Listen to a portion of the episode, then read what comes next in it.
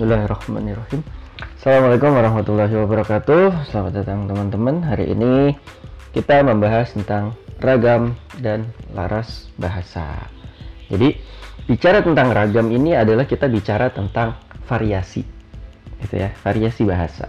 Nah, kenapa kok bahasa ini bisa beragam? Kenapa bahasa ini kok bisa bervariasi, gitu ya? Kenapa kadang-kadang kita bicara tanpa aturan, pakai bahasa yang nggak baku, tetapi di satu sisi kita ngomong pakai bahasa yang baku gitu. Nah ini ini masuk ke dalam ranah ragam gitu ya. Kenapa kok uh, saat kita ngomong sama dokter misalnya gimana dok diagnosanya gitu ada kata diagnosa di situ tapi kenapa ketika kita ngomong biasa aja kok ya nih gue uh, hasilnya diduga ada kanker misalnya kayak gitu nah jadi ini kata-kata itu ya diagnosa diduga. Kemudian ada juga kata kalau di akademik ada hipotesis. Nah itu kata-kata itu kok bisa beda-beda penggunaannya munculnya beda. Nah ini yang disebut dengan ragam. Jadi ragam itu adalah variasi bahasa. Variasi bahasa ini muncul ya muncul karena ya entah karena pemakaiannya yang berbeda-beda entah karena topik yang dibicarakannya beda, entah karena hubungan pembicaranya itu juga beda, atau juga karena ya orang yang ngomong ini juga beda gitu ya. Maksudnya dia orang mana, dia orang mana gitu kan. Kadang itu menentukan kosakata juga gitu ya. Atau juga karena uh, media yang digunakan dalam berbahasa itu juga berbeda. Nah ini menentukan ragam bahasa. Makanya dalam teorinya, ragam bahasa ini adalah variasi bahasa menurut pemakaian yang berbeda-beda, menurut topik yang dibicarakan, menurut hubungan pembicara, kawan bicara, orang yang dibicarakan, serta menurut medium pembicara. Ini menurut Batchman pada tahun 1990 gitu ya. Nah, jadi perbedaan ini muncul ini karena ada dasarnya kenapa gitu Nah, kalau kita lihat dari materi yang ada itu uh, ada yang membedakan waktu itu berdasarkan waktu penggunaannya, berdasarkan media sarananya, berdasarkan situasi pemakaiannya, berdasarkan pokok persoalannya, berdasarkan penuturnya. Jadi sudut pandang inilah yang akhirnya menyebabkan bahasa itu kita gunakan secara berbeda. Kayak gitu. Misalnya ada kata begini. Uh, kamu udah makan belum? Gitu kan. Saya kayak gitu. Nah ini kata kamu udah makan belum? Ini kalau kita lihat dari sudut pandang waktunya ini kan ya sekarang lah Indonesia baru. Gitu ya. Kalau Indonesia lama itu masih ter uh, wah masih banyak pengaruh bahasa Melayunya gitu ya. saya kayak uh, uh, kayak nak makan lah kamu gitu. Kayak kayak gitu. Jadi ada ada entah susunan atau bahasa yang disisipi sama bahasa Melayu kayak gitu. Tapi kalau kita lihat juga dari media sarananya ini uh, media sarana yang biasa ini kayak ucapan gitu. Nanyanya langsung gitu. Kamu udah makan belum? Itu kan biasanya kita ngomong ya. Kalau kalau nulis apalagi dituliskan gitu ya. Itu pasti nggak nggak kayak gitu kecuali chat ya. Ini ini beda lagi ini nanti kita bahas. Jadi uh, kalau dalam apa lagi dalam surat misalnya gitu dalam bahasa tulisan itu kan biasa surat uh, buku gitu ya. Jadi untuk menanyakan itu biasanya kalimatnya harus lengkap harus ada kata tanyanya. Apakah anda sudah makan? Tanda tanya gitu. Nah itu tulisan. Jadi dari kata kamu sudah makan belum itu akan beda lagi ketika dituliskan. Nah, kemudian situasi pemakaiannya, ini kalau kita lihat ini kayaknya uh, eh, non formal ya atau semi formal lah gitu ya. Tapi bukan formal karena kalau formal itu, kalau resmi itu pertanyaannya enggak, kamu udah makan belum enggak? Kalau kalau kalau formal itu biasanya lebih ke uh, mohon maaf, apakah Bapak sudah makan kayak gitu mohon maaf apakah ibu sudah makan gitu. Jadi agak lebih sopan gitu. Pilihan katanya juga lebih dipilih gitu lebih tertata jelas siapa yang disapa kemudian juga ada kata tanyanya di situ. Nah jadi kayak gitu. Kalau dilihat dari uh, pokok persoalan ini dari dari larasnya ya dari laras bahasanya dari dari uh, bidang bahasanya gitu ya. Ini ini termasuk ke bidang sosial karena biasanya ini lagi lagi ngumpul lagi lagi lagi nongkrong ya nanya kamu udah makan belum? gitu. Artinya lagi berinteraksi gitu ya. Karena nggak mungkin dalam ranah hukum gitu ya lagi di persidangan gitu. Gitu itu biasanya lagi ngobrol biasa aja gitu kan. Kemudian kalau dilihat dari penuturnya ini nanti penutur dibedakan tiga ya ada dialek pendidikan ada sikap. Kita ambil sikapnya sikap penuturnya dari yang uh, yang ngomongin ini kayaknya dia udah akrab gitu. Karena kalau kalau belum akrab dia tanyanya nggak kamu udah makan atau belum? Paling biasanya misalnya gini kamu baru kenal sama orang mau nanya dia udah makan atau belum? Uh, pasti nyapa dulu gitu loh. Mbak atau kak kakak udah makan atau belum ya? Gitu. Pasti pertanyaannya akan berbeda walaupun sama-sama dilisankan sama-sama diomongin gitu. Itu pilihan katanya akan berbeda. Nah ini. Jadi ini masuk ke dalam ragam. Jadi dari tadi kalimat satu tadi uh, kamu udah makan belum? Ternyata dilihat dari sudut pandangnya itu macam-macam nah makanya ini kita bahas satu-satu. Yang pertama waktu penggunaan ini dibagi menjadi dua, ada Indonesia lama, Indonesia baru. Kalau di uh, Indonesia lama itu lebih ke masa uh, masa sebelum kemerdekaan sih lebih ke situ. Karena apa? Karena masa sebelum kemerdekaan ini ejaan kita ini belum belum ada, kita belum punya ejaan bahasa Indonesia.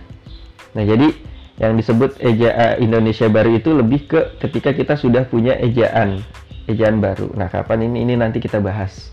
Gitu ya. Artinya uh, karena dulu belum kita belum punya ejaan, ejaan kita ini masih numpang ke ejaan Van Opushen namanya. Ejaan Van Opushen ini adalah uh, ejaan bahasa Melayu yang dibuat oleh orang Belanda.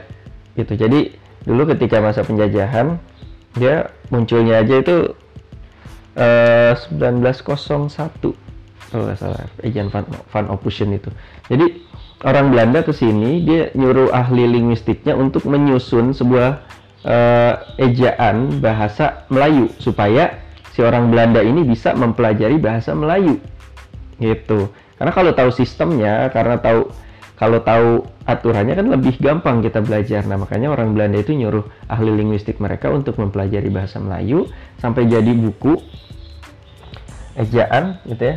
Waktu itu dikenalnya dengan ejaan Van Opushen. nah, kita ngacunya ke situ akhirnya.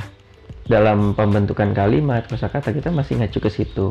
Nah, makanya ini disebut Indonesia lama.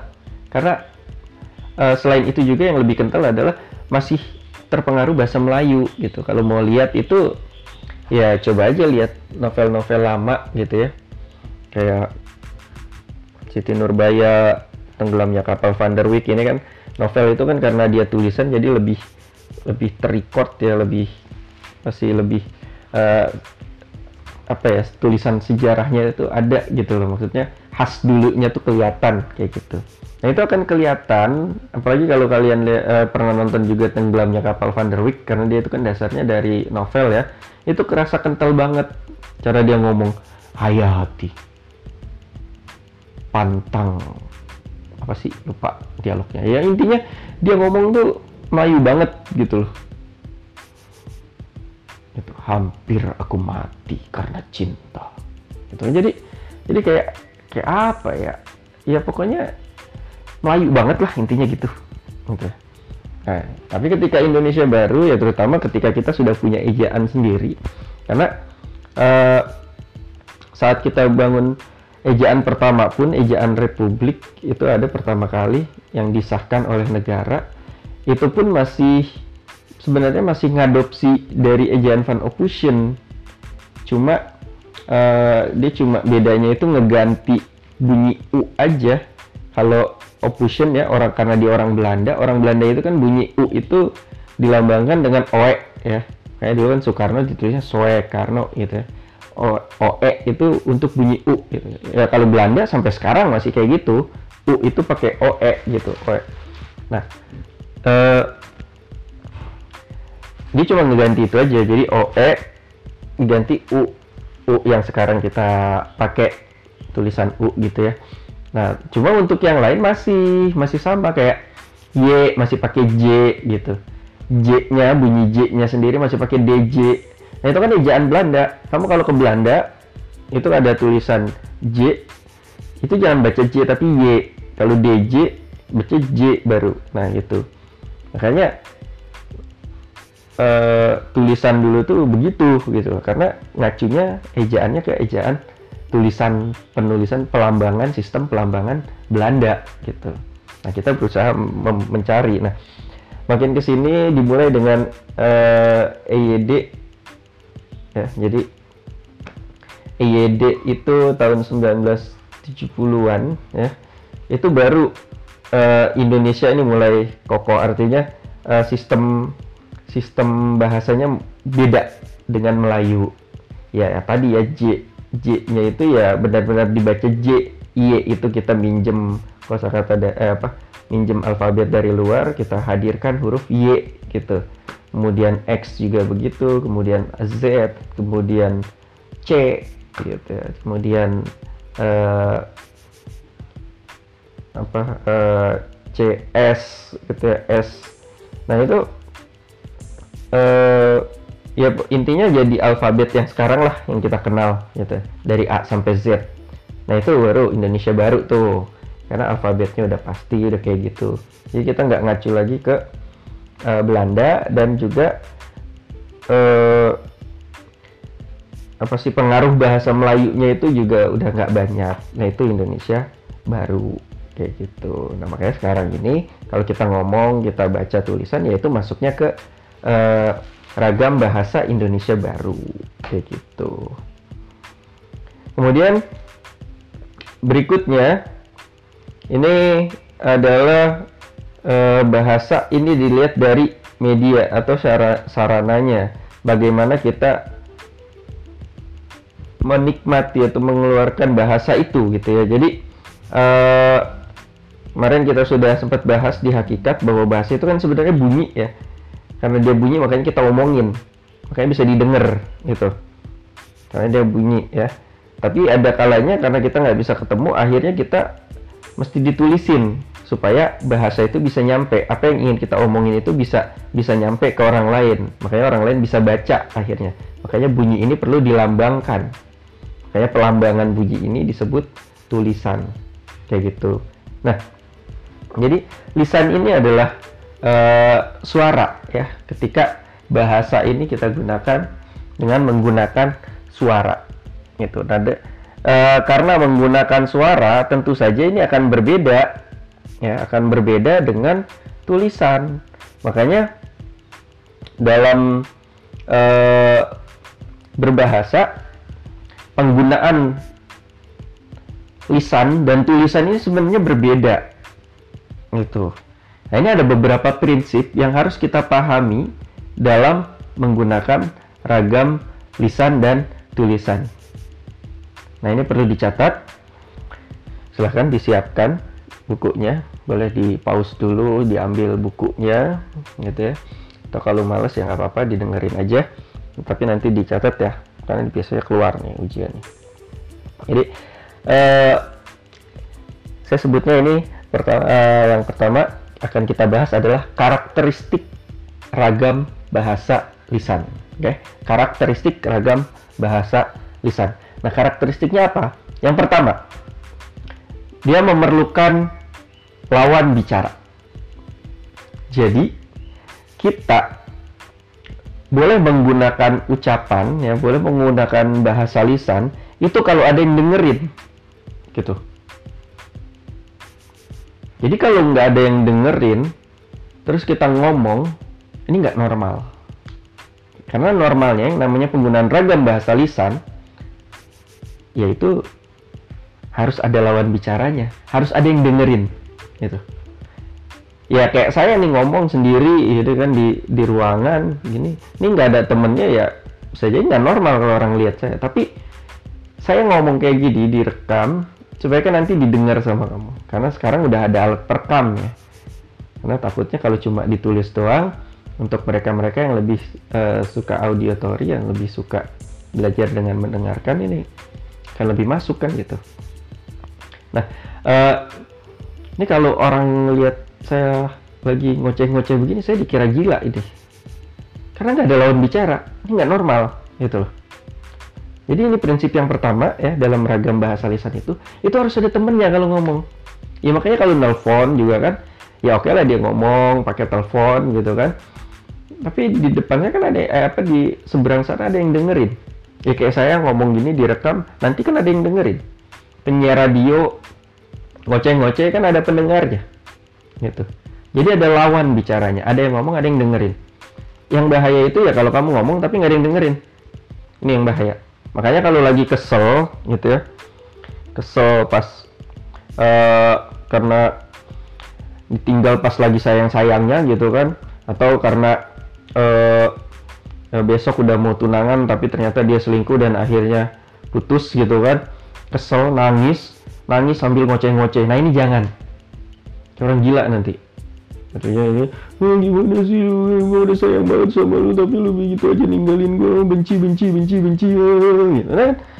Ketika orang ngelihat walaupun kamu lagi sendirian misalnya di rumah terus ada orang ternyata ngintip di jendela pasti dia kan eh sini sini. No no no. Dia gila no. No. Gara-gara ditinggal no pacarnya. No. ini pasti begitu tuh. Karena nggak normal gitu loh. Menyalahi prinsip yang pertama bahwa dalam menggunakan bahasa lisan itu harus ada lawan bicaranya. Mau lawan bicaranya kelihatan atau nggak kelihatan, itu harus ada. Serem banget ya nggak kelihatan. Ya maksudnya kayak tadi ya di telepon atau kayak saya nih uh, ada pendengarnya ya gitu ya karena ini direkam nanti uh, mahasiswa saya ngedengerin ya itu itu wajar gitu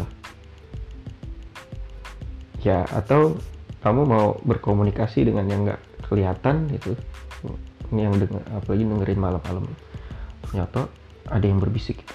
Hai kamu lagi ngapain? Hahaha ya terus kamu jawab gitu. Iya nih lagi kuliah online bahasa Indonesia bete nggak sih? Udah malam buat masih masih belajar aja. Nggak apa-apa. Kamu harus rajin rajin rajin. Ya jadi kalau ada temennya ngobrol ya silahkan aja gitu. Tapi kan ketika orang lain ngeliat ini seolah-olah nggak ada temennya nggak ada lawan bicara ini jadi nggak normal karena menyalahi prinsip pertama untuk ragam lisan oke? Okay? nah itu yang pertama ya. Jadi karakteristik ragam lisan yang pertama adalah harus ada lawan bicaranya. Nah kemudian yang kedua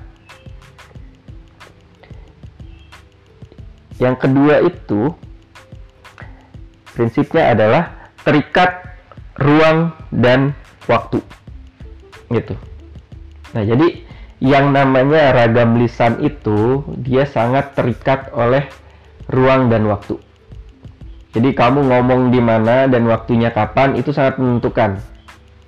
Jadi unsur konteks ya konteks bahasanya ini harus kelihatan. Karena apa? Uh, ini berkaitan dengan prinsip yang ketiga langsung aja deh saya saya sampaikan ya. Uh, prinsip yang ketiga itu ragam lisan ini berlangsung cepat. Nah, prinsip yang ketiga berlangsung cepat. Apa yang berlangsung cepat? Komunikasinya. Ya. Jadi uh, yang kedua itu terikat ruang dan waktu. Yang ketiga ini berlangsung cepat. Komunikasinya berlangsung cepat. Penyampaian informasinya ini berlangsung cepat karena berlangsung cepat ya. Jadi kadang-kadang ada pemenggalan kata. Gitu. Jadi ada ada kata-kata yang nggak perlu lagi kita omongin gitu. Jadi misalnya kayak uh,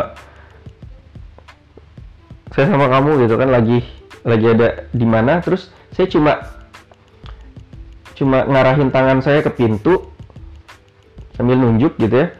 Terus saya bilang tuh dong tutup gitu tuh dong tutup. Saya cuma bilang gitu dong. Tuh dong tutup. Jadi eh, karena situasinya kita lagi ada di ruangan gitu ya, dan kebetulan itu ada pintu. Begitu eh, ada konteksnya di situ ya akhirnya kita memahami bahwa oh ternyata saya minta tolong untuk ditutup eh, pintunya gitu ya. Minta tolong untuk pintunya ditutup seperti itu. Nah eh, makanya ini disebut terikat ruang dan waktu. Dan waktunya itu kapan? Dan ya percakapan itu hanya berlaku untuk saat itu aja. Karena saat pintu itu udah ditutup kalau saya ulang lagi itu gak, jadi nggak relevan nggak nyambung gitu loh. Kayak gitu. Nah jadi eh, bahasa lisan itu gitu. Jadi terikat oleh eh, ruang dan waktu. Makanya ketika kita ngobrol ngomong itu harus jelas gitu loh. Makanya kalau kayak tadi tiba-tiba ini rekaman saya dipotong nih coba bagian tutup dong gitu misalnya. Wah ini nanti tiba-tiba viral saya. Heboh dosen ngomong tutup dong di dalam ruangan. Nah ini kan bahaya jadinya karena konteksnya dipisah makanya ini nggak boleh. Artinya ketika kita mau melihat sebuah percakapan ini harus jelas dulu konteksnya seperti apa. Kenapa dia ngomong kayak gitu? Gitu loh. Jadi sama kayak kayak teman kamu misalnya eh kemarin gua ketemu si A gitu. Teman kamu nyampein gitu kan. Kebetulan teman kamu doyan gibah juga. Dia ngomong iya kemarin gua ketemu si A. Terus dia bilang lu sombong tau. Ih dia jarang kelihatan malah lu yang dibilang sombong ya bisa ya dia kayak gitu ya ngomong kayak gitu. Ih amit amit deh gue punya teman kayak gitu. Ih gitu. Nah jadi eh, ini harus harus kita cari tahu dulu konteksnya gitu. Jangan langsung emosi jangan memang kurang ngajar tuh bocah. Belum tahu apa siapa jangan tapi tahan dulu. Kayak eh nanti dulu. Kan dulu nih lu ketemunya di mana emang? Iya kemarin gue lagi ini lagi ngopi tuh di daerah Bekasi gitu kan. Nah di sana eh, tiba-tiba dia datang nyamperin gua gitu kan. Dia lah karena sekarang dia katanya udah ini kerja kerja terus sibuk gitu kan. Dia kayak sales gitu sales sales eh, sales sales itu apa sih? Motor. Om, bukan bukan motor. Apa sih yang itu loh eh, topi. Tidak tidak eh, piring piring. Bukan bukan. Eh, sepatu. Iya iya iya. Eh, sepatu bot. Bukan bukan. Eh, sepatu sneakers. Nah ini. Sepatu sneakers gitu yang yang suka apa sih yang kadang eh, BNWB gitu ya. Terus eh, ya itulah pokoknya lo tau lah. Nah jadi dia tuh jadi nggak bisa ngelanjutin lagi. Nah terus dia juga nanya sih lu gimana kabarnya? gitu kan uh, suka bilang aja ya juga lagi sibuk gitu. Terus dia bilang gitu ya pantesan waktu itu uh, gue ketemu di jalan cuma kayaknya sombong banget nggak nggak nengok-nengok gitu. Tapi kayaknya lagi ini kali dia lagi banyak tugas kali ya jadinya nggak nggak nengok kanan kiri udah fokus aja di jalan pikirannya kawang-kawang gitu kan. Nah jadi jadi gitu deh. Oh jadi kayak gitu. Makanya dia bilang gua sombong. Iya. Hmm, ya dia nggak negur. Coba kalau dia negur pasti gua high dong gitu. Nah jadi artinya ya artinya kita harus tahu konteksnya seperti apa sampai dia bisa ngomong kayak gitu. Nah ini perlu dicari gitu loh. Makanya ketika ada temen nyampein gitu ya eh kemarin lu dibilang begini. Gitu. nah itu jangan langsung dimakan gitu loh. Jangan langsung dicaplok ucapan itu tapi dicari tahu dulu konteksnya apa kenapa dia bisa sampai seperti itu? Karena yang namanya ragam lisan itu tidak bisa dipisahkan uh, konteksnya. Karena dia sangat terikat oleh ruang dan waktu. Kayak gitu. Ya kayak aku sama kamu terikat joy. Nah jadi uh, harus jelas gitu ya. Kayak waktu itu juga sempat ada kasus kan petinggi uh, daerah pejabat daerah karena ucapannya gitu kan. Nah ini kan lama prosesnya. Ya karena itu harus dibuktikan dulu dicari konteksnya kenapa dia bisa ngomong seperti itu gitu. Jadi nggak yang langsung difonis bersalah gitu. Beda dengan uh, orang nulis di Facebook kok langsung ditangkap gitu kan langsung diproses. Nah ini nanti kita bahas. Nah jadi jadi itu kalau ucapan itu kita nggak bisa yang langsung mengartikan secara tekstual. Tapi juga harus dilihat konteksnya makanya harus dilihat kontekstualnya seperti apa karena dia tidak bisa dipisahkan ruang dan waktunya kayak gitu. Nah kemudian tadi ya yang ketiga tuh e, karakteristiknya adalah berlangsung cepat. Kenapa berlangsung cepat? Ya karena orangnya ada di depan kita gitu kan. Karena karena uh, ada di depan kita gitu ya. Jadi ya langsung aja. Makanya tadi saya bilang tinggal nunjuk ngomong sepat, sekata dua kata bisa dipahami gitu.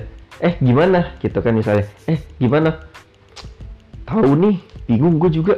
Gitu. kita nggak ngerti nih. Dia cuma ngomong eh gimana?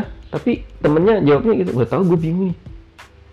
Ini kan artinya ketika komunikasi ya sebenarnya ada topik yang sudah disepakati dia ngomongin apa. Karena orangnya ada di depan gitu Nah makanya tadi kaitannya dengan tadi ya terikat ruang dan waktu karena kebetulan dia lagi uh, emang diundang itu emang buat meeting misalnya ya meeting meeting buat uh, kegiatan gitu ya. Buat kegiatan eh uh, ter meeting ya. Kita omongin lagi nih kegiatan kita yang kemarin tuh udah sampai mana proposalnya. Nah makanya pas dia datang ketemu langsung ditanya eh gimana? Nggak tahu nih gue bingung terus tanya lagi emang bingung kenapa iya proposalnya aja belum jadi-jadi. Gimana gue bisa ngajuin ke sponsor? Kan gitu. Karena konteksnya adalah mereka ketemu meeting buat ngomongin acara gitu. Nah makanya jadi kesepahamannya itu udah udah terbentuk gitu loh. Kayak jadi gampang. Nah prinsip yang keempat karena dia berlangsung cepat dan orangnya itu ketemu gitu ya baiknya sih ketemu nggak kayak gini ya nggak kayak rekaman ini. Jadi eh, ketika ada kesalahan itu bisa dikoreksi dengan cepat gitu ya. Maksudnya jadi ketika saya aja nih ngerekam walaupun ini direkam tapi kalau salah ngomong kadang-kadang saya uh, eh sorry maksudnya ini eh maaf gitu. Jadi saya suka ngoreksi yang uh, ya kayak uh, gini aja uh, ini aja kan termasuk sebenarnya saya lagi mikir mau ngomong apa gitu kan. Kadang-kadang nggak dapet uh, nya kepanjangan gitu. Nah jadi kalau ada kesalahan itu koreksinya bisa langsung diperbaiki gitu loh. Saya saya ngomong uh, kepleset gitu ya saya ulang lagi omongannya yang benar kayak gitu.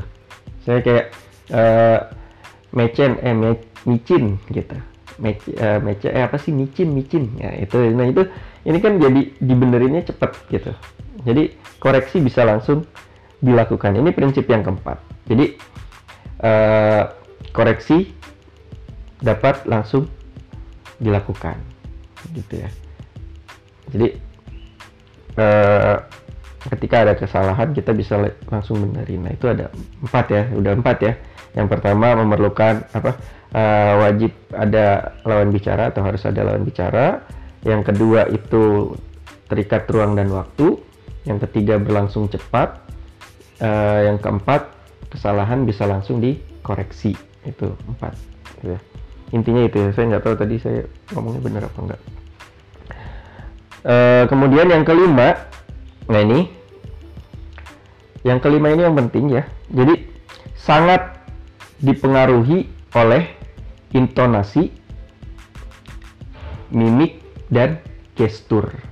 Nah jadi ragam lisan ini ternyata sangat dipengaruhi oleh intonasi tinggi rendah nada jadi kalau kalian dengerin saya ngomong ini, ini kan kadang saya ngomongnya tinggi, kadang saya ada penekanan, kadang saya rendah gitu kan. Jadi tanpa disadari ketika saya me, uh, menyatakan sesuatu yang saya anggap penting, itu saya akan memberi penekanan kayak ini adalah lima karakteristik. Nah ini kan penekanan, gitu. Ya. lima karakteristik dari ragam lisan. Nah ini kan agak agak ada jeda-jeda gitu kan. Nah ini intonasi. Beda ketika saya ngomong, oke okay, ini adalah karakteristik uh, ragam lisan. Ini ini jadi karena cepet kayak gitu, jadi seolah-olah informasi ini nggak penting. Nah makanya penguasaan intonasi ini ini penting. Kayak sebenarnya kita nggak perlu uh, belajar public speaking itu intinya kita paham ini aja. Ragam lisan itu ternyata sangat dipengaruhi oleh intonasi, mimik dan gestur gitu Oke, pertama kita PR-nya intonasi dulu lah, belajar ngomong pakai intonasi gitu. Jadi kapan yang penting itu harus kita kasih tekanan.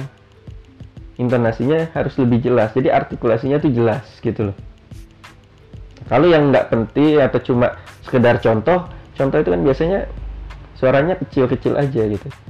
Kayak misalnya, coba gini, eh, bapak-bapak, ibu-ibu yang ada di sana. Nah, ini kan saya ketika ngomong kayak gitu, itu jadi kayak rendah banget gitu. Bukan bukan sesuatu yang inti kayak saya lagi ngomong sekarang gitu. Nah, itu makanya penguasaan intonasi juga harus kita pahami. Berikutnya adalah gestur. Gestur ini gerak. Jadi ketika ngomong, kadang memang kita secara tanpa sadar anggota tubuh kita akan bergerak. Nah, tapi usahakan ya gestur yang kita bentuk ini ini punya makna, artinya bisa memperkuat bisa memperkuat ragam lisan kita. Kadang-kadang tangan nih nggak mau diem kalau kita lagi ngomong. Nah, makanya buat tangan ini menjadi seolah-olah dia tuh kayak ngasih gambaran dari apa yang kita omongin gitu. Kayak kadang-kadang di tangan kayak ngebentuk lukisan gitu. Ketika kita ngomong kayak misalnya sesuatu yang tinggi, nah ini tangan tiba-tiba kita naikin ke atas gitu, sejajar dengan kepala kita gitu. Kita kayak kayak nunjukin ukuran tinggi gitu. Sesuatu yang tinggi, nah itu tangannya naik ke atas. Ini gestur nih, gitu. Akan berdampak pada sesuatu yang lebih rendah. Nah, rendah ini ketika kita ngomong rendah, tangan kita kita turunin gitu sampai ke perut misalnya. Ini menunjukkan gestur itu. Tangan ini gerak gitu. Jadi eh, ketika ngomong tangan ini ya walaupun gerak itu harus ada maknanya, memperkuat lisan kita gitu loh. Soalnya kita ngomong sekarang ya, sekarang. Sekarang ini biasanya tangan kita kita eh, apa? goyang-goyangin, goyang-goyangin telapaknya. Itu untuk menunjukkan ya ini gitu. Biasanya kan ini, gitu, kayak nunjuk ini. Kita ngomong sekarang gitu, kita bisa kayak gitu karena menunjukkan waktu ini kan gitu. Sekarang gitu. Coba Anda bayangkan ya, coba Anda bayangkan. Nah, ketika kita ngomong coba Anda bayangkan, nah itu ini tangan nunjuk ke pikiran untuk memperkuat kata bayangkan kan gitu. Di depan Anda, di depan Anda, kita nunjuk gitu depan nunjuk ke depan gitu nih tangan untuk memperkuat gestur depan ya. jadi kayak gitu jadi gestur ini juga walaupun kita bergerak itu harus ada artinya gerakannya jadi jangan apa ya ya kita misalnya lagi ngisi acara di depan tapi gesturnya malah nggak penting gitu. Jangan sampai lagi ceramah tapi malah joget-joget TikTok gitu kan. Nah ini ini malah nggak nggak bener gitu kan gesturnya nggak pas kayak gitu. Nah kemudian e, mimik ya. Mimik itu raut wajah. Raut wajah juga menentukan. Artinya e, ketika kita bicara sesuatu yang e, harus didengerin gitu ya. Biasanya yang penting ini raut mata tuh harus yang tajam. Jadi coba kita perhatikan. Nah ketika ngomong itu tang, uh, mata dan alis itu harus dengan tatapan tajam. Coba diperhatikan gitu. Nah ini ini akan membantu walaupun kayaknya sepele ya tapi ini akan membantu. Apalagi ketika kita ngomong yang lucu ya muka kita kita lucu-lucuin kayak ya bagaimana ini ini ini, ini mulut di memble memblein gitu kan. Nah itu kan jadi membantu jadi kesan lucunya dapat misalnya kayak gitu. Nah jadi ragam lisan itu kuncinya di situ sebenarnya di intonasi gestur dan mimik. Nah, kalau kamu ingin menjadi pembicara yang handal, itu mulai dilatihlah penggunaan itu. Oke, nah itu adalah lima karakteristik dari ragam lisan. Saya ulang ya. Jadi yang pertama adalah harus ada lawan bicara. Yang kedua terikat ruang dan waktu. Yang ketiga e, berlangsung cepat. Yang keempat itu eh, kesalahan bisa langsung dikoreksi ya. Kemudian yang kelima itu sangat dipengaruhi oleh intonasi, mimik dan gestur. Oke, itu lima karakteristik ragam lisan. Nah, kemudian kalau ragam tulis gimana? Ya lawannya aja gitu. Kalau eh, lisan harus ada lawan bicara, ragam tulisan dia nggak harus ada lawan bicaranya. Makanya kalau uh, nulis surat itu kan lewat bicaranya nggak ada makanya ditulislah surat karena jauh ya kayak dikirim surat dia bisa menyampaikan informasi gitu bisa berkomunikasi dengan tulisan gitu. Nah kayaknya seperti itu. Jadi eh, makanya dulu itu populer ya surat kabar ya karena kan radio belum ada. Jadi informasi harus tetap disampaikan ya dengan tulisan surat kabar itu. Kayak gitu. Surat uh, tulisan himbauan itu kan nggak mungkin kan setiap hari harus ada satpam apa satpam di depan itu jangan lewat sini gitu kan. Nah daripada satpamnya harus berdiri terus mending ditempel tulisan jangan lewat sini kayak gitu. Hati-hati palang pintu gitu kan. Daripada orang ya hati-hati palang pintu hati-hati palang pintu. Capek gitu loh mending ditulis kayak gitu kan. Nah jadi nggak harus ada lawan bicaranya juga untuk memproduksi ragam tulisan kayak gitu nah kemudian yang kedua lawannya itu ya berarti eh, kalau tulisan ini tidak terikat ruang dan waktu. Gitu. Kenapa tidak terikat ruang dan waktu? Ya contohnya, kamu baca buku, kamu baca novel, gitu ya. Mau kamu baca di dalam kelas, mau kamu baca di kamar tidur, mau kamu baca di kereta, ya itu akan sama aja kontennya, isinya, tulisannya gitu-gitu. Ya maksudnya informasi yang disampaikan novel itu, cerita yang disampaikan oleh novel itu ya bahkan tetap ngikut ke tulisannya itu. Gitu. Kayak beda dengan omongan tadi kan ragam lisan tadi kamu ada di mana dan lagi ngapain itu harus kita tahu. Gitu. Tapi kalau tulisan ini sepanjang masa. Gitu. Nah ini yang menyebabkan kenapa tulisan ini bisa jadi terapi. Untuk menghilang perasaan ya kan karena eh, perasaan itu kan apa yang kita rasakan itu kan sesuatu yang dari luar terus masuk ke dalam gitu ya ya sebenarnya itu adalah reaksi dari sesuatu yang ada di luar kemudian masuk ke dalam. Nah, ketika ada sesuatu yang masuk itu kan harus dikeluarkan. Bagaimana kita meluapkan perasaan itu, gitu kan? Ya dengan bahasa sebenarnya. Kadang ada orang yang uh, merasa tertekan, dia akan lega kalau udah teriak, wah gitu, lega. Karena dari situ secara psikologis terasa sesuatu yang masuk itu udah keluar, kayak gitu. Nah makanya ketika ada perasaan kecewa segala macam, kalau kamu nggak punya teman untuk diajak curhat atau teman curhatnya itu adalah tukang gibah, mending nggak usah curhat sama dia, tapi ditulis aja. Tulis. Kalau dulu ada buku diary ya, buku diary. Nah ini saat kita nulis itu, itu adalah terapi untuk self healing ya. Jadi mengobati luka sendiri gitu. Jadi kalau kamu pernah kecewa dengan sesuatu, pernah merasa uh, depresi dan segala macam mending kamu cerita ceritanya gimana ya tulis tulis di buku mending kamu sediain satu buku itu memang khusus untuk nulis apa yang kamu rasain kayak gitu. Nah jadi mending mending seperti itu gitu loh. Karena nanti ketika kamu besar pun akhirnya kamu akan tahu apa yang pernah kamu alami apa yang pernah kamu rasakan. Oh ternyata saya pernah se sesakit ini gitu. Oh saya pernah semenderita ini gitu. Karena udah udah dikeluarkan jadi perasaan itu agak berkurang gitu loh. Ya apa yang dirasakan hati itu memang agak sulit untuk hilang ya tapi paling tidak bisa dialihkan rasanya gitu. Tapi setidaknya ketika kita menulis itu menuliskan apa yang kita rasakan itu kita akan merasa lega karena kita merasa sudah mengeluarkan apa yang tadi masuk itu. Kira-kira seperti itu.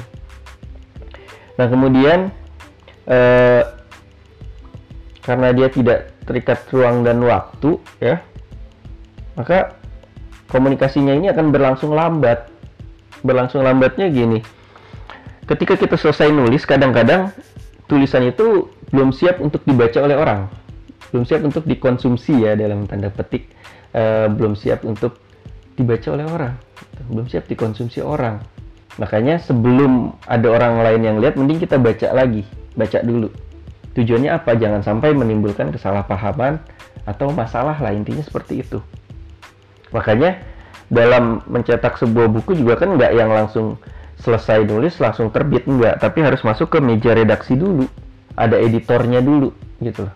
Dibenerin dulu tulisannya. Makanya ini yang disebut dengan berlangsung lambat komunikasinya. Informasi penyampaian informasinya berlangsung lambat. Karena baiknya tulisan itu sebelum dikirim ya sebelum dibaca oleh orang itu harus kita pertimbangkan dulu baik buruknya itu yang jadi catatan sebenarnya. Ya itu yang ketiga. Nah kemudian yang keempat koreksi tidak bisa langsung dilakukan. Ya jadi ketika kita memiliki kesalahan dalam penulisan itu nggak bisa yang langsung dibenerin kamu makanya ini tadi ya sebelum dikirim ke orang kita harus pastikan itu udah bener gitu karena kalau ada kesalahan itu nggak bisa langsung di, nggak langsung dibenerin. Jadi harus yang benar-benar dipastikan bahwa oh ini udah nggak ada kesalahan baru dikirim. Kayak gitu loh. Karena kalau ada kesalahan misalnya surat udah dikirim pas dibaca ah apa ini? Dia bilang dia nggak suka sama aku. Ya udah kalau kayak gitu. Padahal maksudnya aku aku suka dan nggak bisa ngomong ini sama kamu. Tapi dia nulisnya aku nggak suka dan ngomong ini sama kamu. Nah ini kan jadi cuma karena salah peletakan gak gitu kan artinya jadi beda. Nah ini makanya bahaya. Makanya pastikan sebelum tulisan itu dikirim ke orang lain atau dibaca oleh orang lain atau dimaka, uh, dikonsumsi oleh orang lain dalam tanda petik ya ini pastikan tidak ada kesalahan. Baru dipublish baru dikirim gitu loh. Ya. Nah yang terakhir yang kelima karakteristik ragam tulisan itu adalah sangat terikat oleh ejaan dan tanda baca. Nah jadi yang menentukan dalam eh, apa namanya dalam ragam tulis ini adalah ejaan dan tanda baca. Makanya tanda baca ini jangan disepelekan gitu loh. Atau ejaan juga jangan asal aja, jangan mentang-mentang kita punya kata, kemudian kita susun sembarangan kayak tadi kan salah naruh enggak aja artinya bisa beda gitu loh. Saya sayang dan enggak bisa ngomong. Beda dengan saya enggak sayang dan bisa ngomong. Akan beda maknanya, padahal yang diubah cuma kata enggak doang gitu. Jadi ejaannya itu penting. Ya. Kemudian tanda bacanya juga penting. Tanda baca untuk apa? Karena namanya tanda ya. Tanda itu kan ya tanda gitu ya. Tanda untuk membaca. Jadi kita bacanya ini gimana? Makanya titik, koma, seru itu kan punya maknanya sendiri gitu. Jangan sampai kita nggak paham tanda baca jadi bacanya ya nabrak aja gitu. Nah ini malah nggak dapet nanti maknanya. Gitu misalnya gini. Ada tulisan. Tulisan uh, kata pertama kucing kedua makan ketiga tikus keempat mati gitu ya. Jadi kalau digabung kucing makan tikus mati. Nah ini katanya.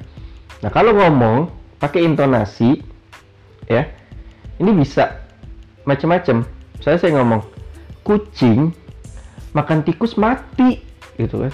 Jadi mati siapa? Kucingnya. Karena dia kucing ini habis makan tikus dia mati kan gitu. Kan intonasinya gitu. Kucing makan tikus mati gitu. Jadi ada jeda sebelum kata mati.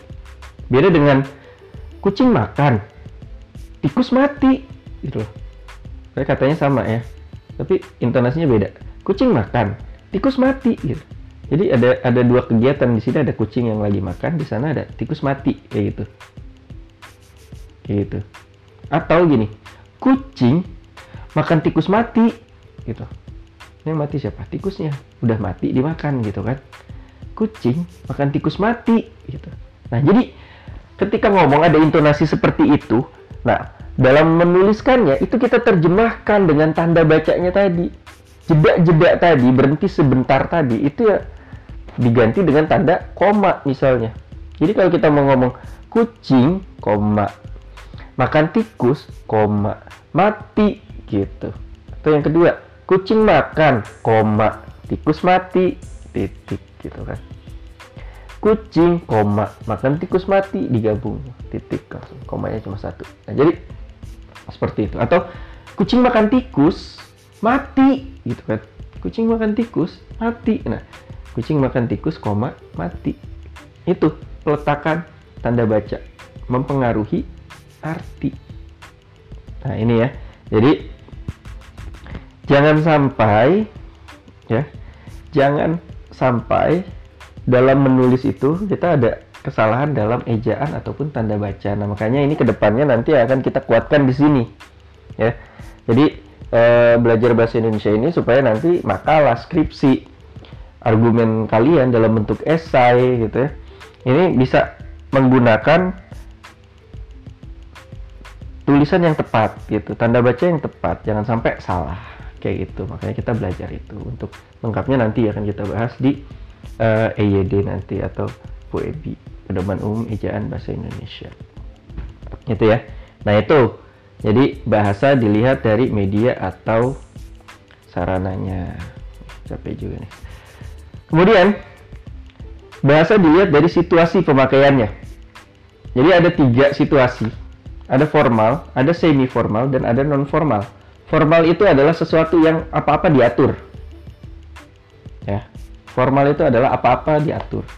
Contoh kayak uh, acara kenegaraan itu kan semuanya diatur, sampai pakai baju aja diatur. Peserta diwajibkan mengenakan jas dan celana bahan hitam dengan sepatu pantofel. Itu pakai baju aja diatur. Berarti itu acara resmi. Gitu aja. Jadi kalau ada aturan, ada aturannya. Oh berarti formal. Kalau sesuatu itu ada aturannya tapi dalam pelaksanaannya nggak terlalu uh,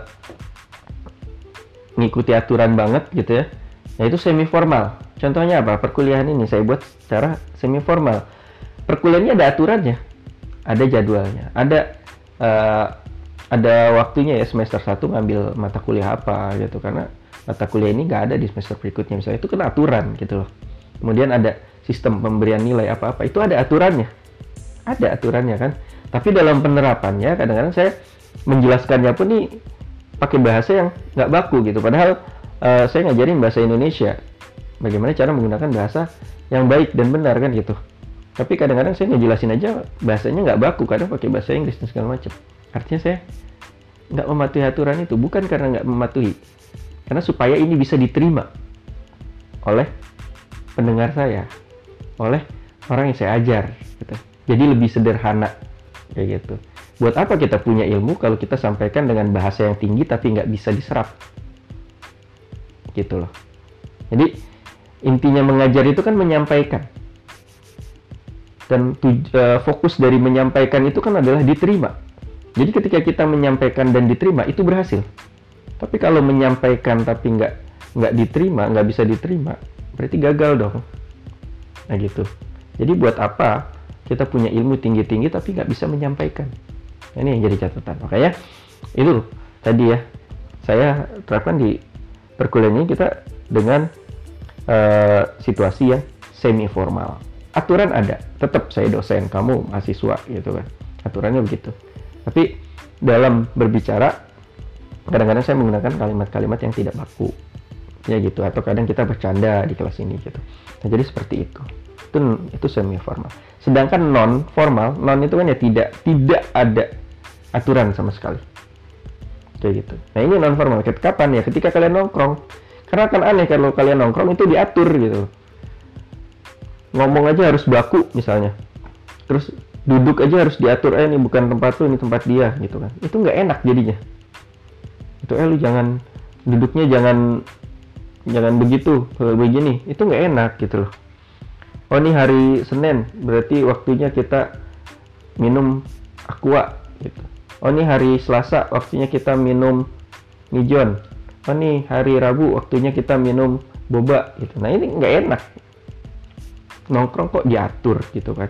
Nongkrong itu nggak ada aturannya lepas aja gitu loh. Makanya akan berbeda ketika kita berkumpul untuk kuliah dengan kita berkumpul untuk nongkrong gitu loh. Makanya segala sesuatu yang non formal ini jangan dipermasalahkan. Kata anjay muncul di tongkrongan, ya so what gitu loh. Terus ngapa gitu loh.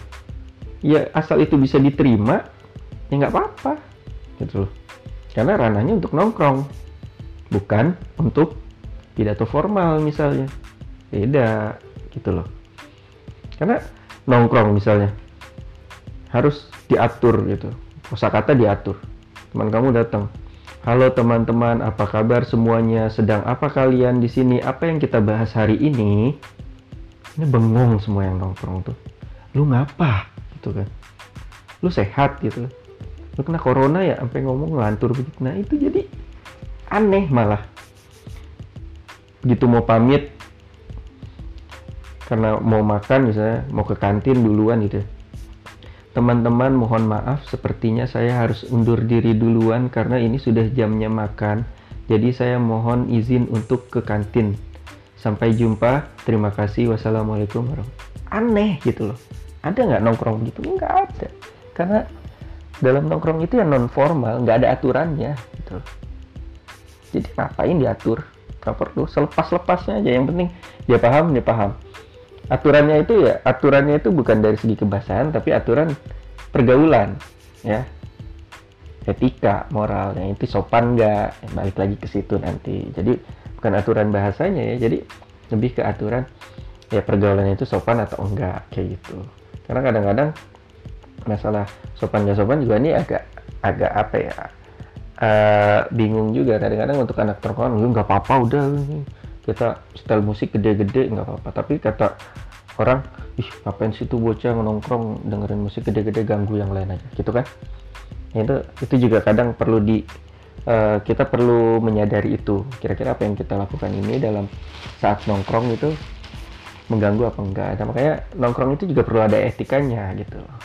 Mau tahu etika dalam nongkrong? Kayaknya nongkrong bareng saya ya nah gitu. Jadi itu situasi pemakaiannya kan berbeda. Jadi kalau ngomong ya perlu dibedain saat kita berada dalam situasi formal atau dalam situasi yang tidak formal. Seperti itu. Ketika uh, kamu misalnya ber berdiri di forum nasional atau misalnya jadi ketua BEM ngomong di depan rektor ya itu harus pakai bahasa yang formal. Makanya ini penting untuk kita memahami kosakata formal itu apa aja gitu loh. Ya ini tujuannya untuk itu. E, karena suatu saat kita akan berada dalam situasi yang formal. Nah kita harus bisa berbahasa formal. Intinya ngomong aja dalam formal itu ada aturannya. Artinya harus ada pembuka inti dan penutup. Kayak gitu. Pembukanya sebenarnya gampang ya. Namanya pembuka itu kan ya salam gitu loh. Kayak kalau e, saya membuka perkuliahan kan pasti selalu dengan salam dengan suara ini gitu ya terus nanti kalau jamnya udah selesai ya saya tutup gitu kan? Dengan wassalam gitu kan? Nah itu ada pembuka inti dan penutup. Ada salam kemudian penyampaian materi tutup. Sebenarnya kalau mau pidato juga bingung gitu kan? Ini apa yang mau diomongin? Ya strukturnya gitu aja. Pidato RT misalnya gitu di forum RT gitu ya. Ya udah yang pertama oh berarti pertama salam dulu nih assalamualaikum selamat pagi semuanya yang saya hormati. Kenapa yang saya hormati? Karena kita nyapa gitu kan? Kan sapa salam sapa gitu kan? Kita nyapa yang saya hormati bapak uh, ketua RT ya walaupun kita bingung ya maksudnya urutan urutannya siapa aja kan seharusnya dari yang tinggi ke yang rendah gitu kan? Nah jabatannya tinggi ke jabatannya rendah kita sapa. Tapi kalau dalam keadaan bingung kadang-kadang itu lupa. Ya ya nggak apa-apa disebut aja gitu kan bapak RT bapak camat pak RW misalnya tokoh masyarakat dan seluruh tamu yang sudah hadir di sini. Udah. Yang penting gitu aja. Terus juga uh, kalau bingung ya udah langsung pada kesempatan ini saya akan menyampaikan apa intinya. Gitu loh. Sampaikan uraiannya. Pas gitu selesai baik itu saja yang dapat saya sampaikan. Penutup ditutup dengan gitu Baik itu saja yang bisa sampai saya sampaikan. Mohon maaf bila ada kesalahan. Assalamualaikum. Kamu ngomong gitu aja, itu kelihatannya udah udah tertata gitu ngomong depan umum. Padahal kuncinya cuma gitu. Setiap ngomong ya harus ada pembuka, inti dan penutup. Intinya begitu aja. Kemudian pokok persoalan ini adalah e, bahasa berdasarkan bidang ya. Jadi kadang-kadang di bidang tertentu ini akan muncul bahasa-bahasa tertentu gitu. Misalnya kayak di perbankan uh, ini akan muncul kata deposito. Deposito kan hanya muncul ketika kita ngomongin masalah bank gitu kan di perbankan. Atau di ranah ilmu misalnya dalam perkuliahan kita akan dengar kata presentasi gitu kan tugas skripsi segala macam. Itu kata-kata itu kan identik untuk bidang itu gitu. Nah kemudian di bidang perdagangan untung rugi laba gitu ya laba kemudian sales gitu kan nah ini kan identik dengan perdagangan kayak gitu. Untuk hukum difonis misalnya fonis, penjara, undang-undang. Nah, ini kan identik sekali dengan bidang hukum. Kayak gitu. Nah, makanya ini juga kita harus sadar kita sedang berada dalam ranah apa nih ketika berbicara supaya bisa menggunakan kosakata dengan tepat. Nah, inilah yang disebut dengan berbicara sesuai dengan larasnya, laras bahasa. Selaras gitu. Sesuai jadi oke okay, dalam perkuliahan misalnya kita kalau presentasi biasa ngomong baik saya akan mempresentasikan uh, hasil penelitian saya yang sudah saya lakukan di trimester uh, di trimester pertama bulan eh di trimester pertama tahun 2020. Nah, presentasi di depan teman-teman kampus kayak ngomong kayak gitu itu biasa aja bisa diterima dengan kata-kata itu. Tapi ketika kita bidah, uh, pindah bidang, misalnya bidang sosial, karena kita ke masyarakat mau menyampaikan sosialisasi gitu ya, namanya juga sosial, sosialisasi. Kita masuk ke bidang sosial, ingin di, ingin menyampaikan pengetahuan yang kita miliki, ingin kita sampaikan ke masyarakat. Nah ini ngomongnya harus disesuaikan dengan masyarakat kita. Jadi jangan baik Bapak Ibu saya akan mempresentasikan. Nah kata presentasi ini belum tentu semua orang paham di, di bidang sosial. Cari kata-kata yang bisa menggantikan itu. Saya kayak, baik Bapak Ibu, lihat ini ya, ini saya sudah saya sudah menunjukkan. Ini ini adalah angka-angka ini.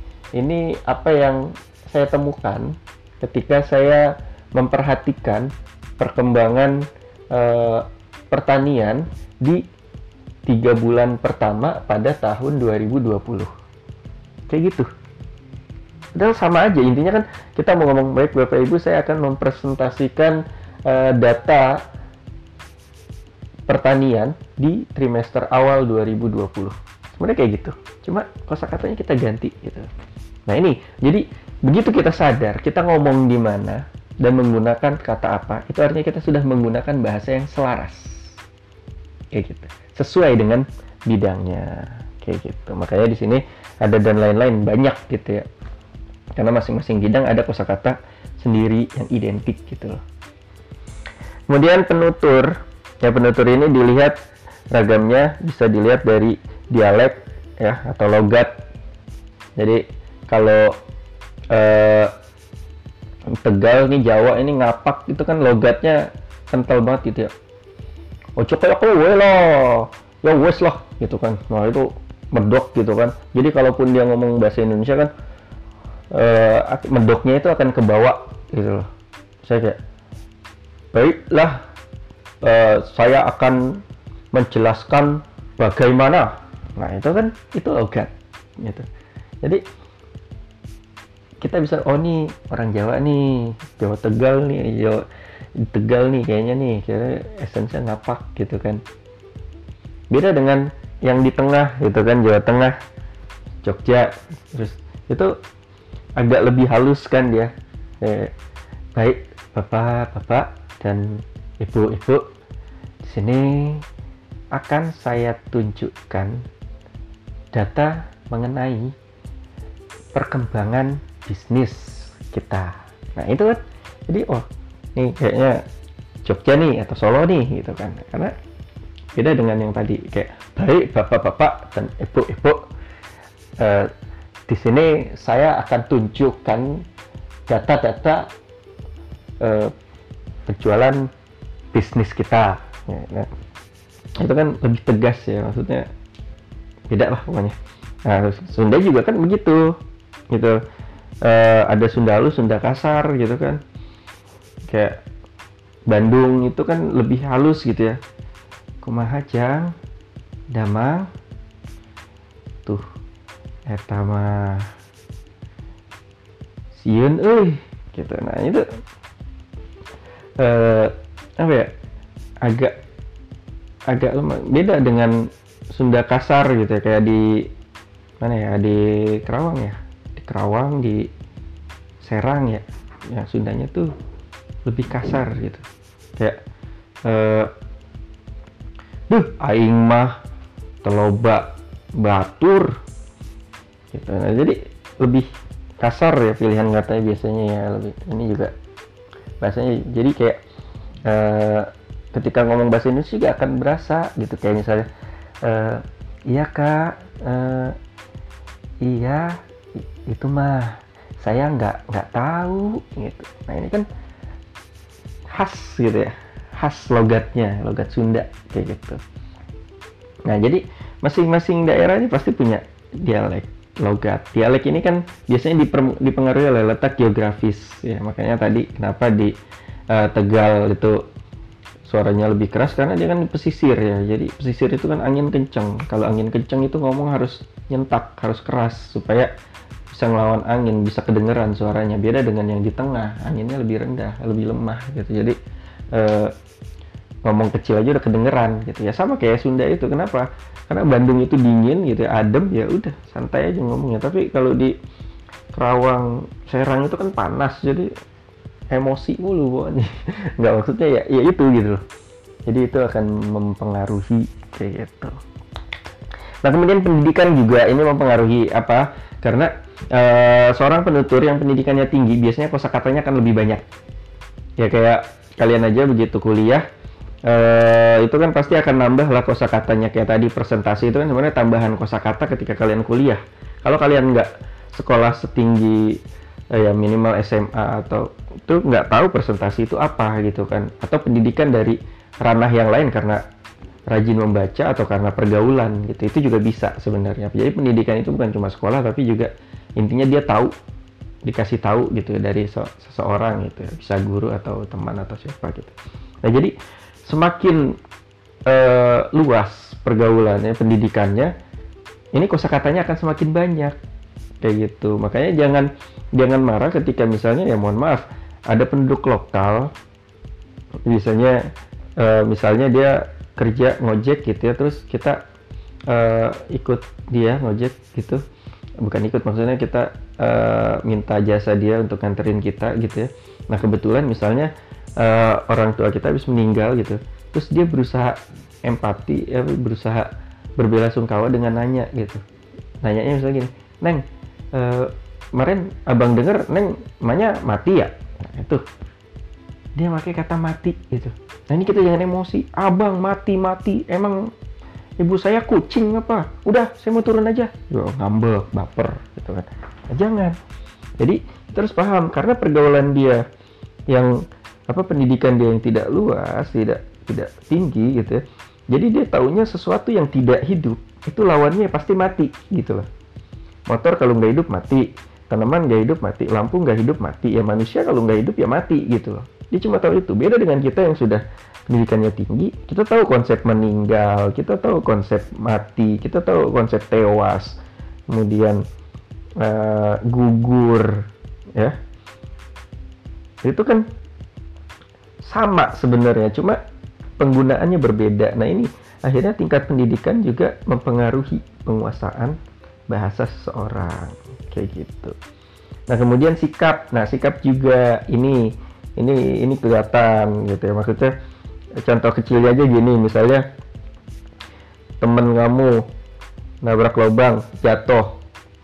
Kalau akrab gitu ya kalau akrab banget itu bukannya di ditolongin tapi dikatain di mampus-mampus ini mampus lu syukurin mang enak lu makanya jalan lu lihat-lihat gitu. Nah itu itu karena temen deket gitu kan. Jadi berani dia ngomong kayak gitu. Artinya ngomong itu ya jadi no sensor. Makanya saya selalu bilang kalau makin deket itu biasanya orang ngomong kayak nggak ada sensornya gitu.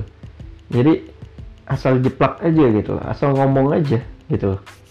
Beda dengan baru kenal pas gitu jatuh terus aduh hati-hati ya uh, emang nih lubang udah lama ayo saya bantu berdiri. Yeah. tuh kan kamu makanya jangan jalan sendirian mending jalan berdua sama aku. Iya iya iya iya. Nah itu jadi uh, kalau baru kenal biasanya kosakatanya akan lebih dipilih, ditata gitu. Apalagi kalau misalnya nginjak lubang dosen misalnya atau orang yang kita hormati gitu. Tuh jatuh. Aduh, Pak. Aduh, ya ampun. Iya nih emang nih ada lubang. Masya Allah. Bukannya dibenerin. Mari Pak saya bantu, Pak. Aduh ya kotor ya, Pak. Yaudah nggak apa-apa, Pak. Uh, nanti mau tisu Pak, mau tisu Pak gitu. Jadi kita berusaha berempati dengan kadang memberikan pertolongan itu. Nah itu itu kalau orang yang kita hormati gitu. Jadi respon bahasa kita akan berbeda gitu. Ya, semakin dekat biasanya kosakata ini kebahasan kita ini malah tadi ya eh, nggak uh, dikontrol artinya yang penting tersampaikan apa maksud kita tapi semakin kita berjarak gitu ya, ada gap entah karena gap baru kenal atau karena kita menghormati dia kosakata ini akan jadi semakin dipilih tertata kayak gitu. Nah makanya penguasaan ragam bahasa ini ini kita harus sadar. Kita ada di di mana? Dan kita mau menggunakan yang mana gitu loh. Makanya penguasaan ragam bahasa ini penting bagi kita agar kita bisa menggunakan bahasa yang selaras tadi. Karena kita tahu bidangnya bidang apa. Selain itu juga kita mampu menggunakan bahasa yang baik dan benar gitu.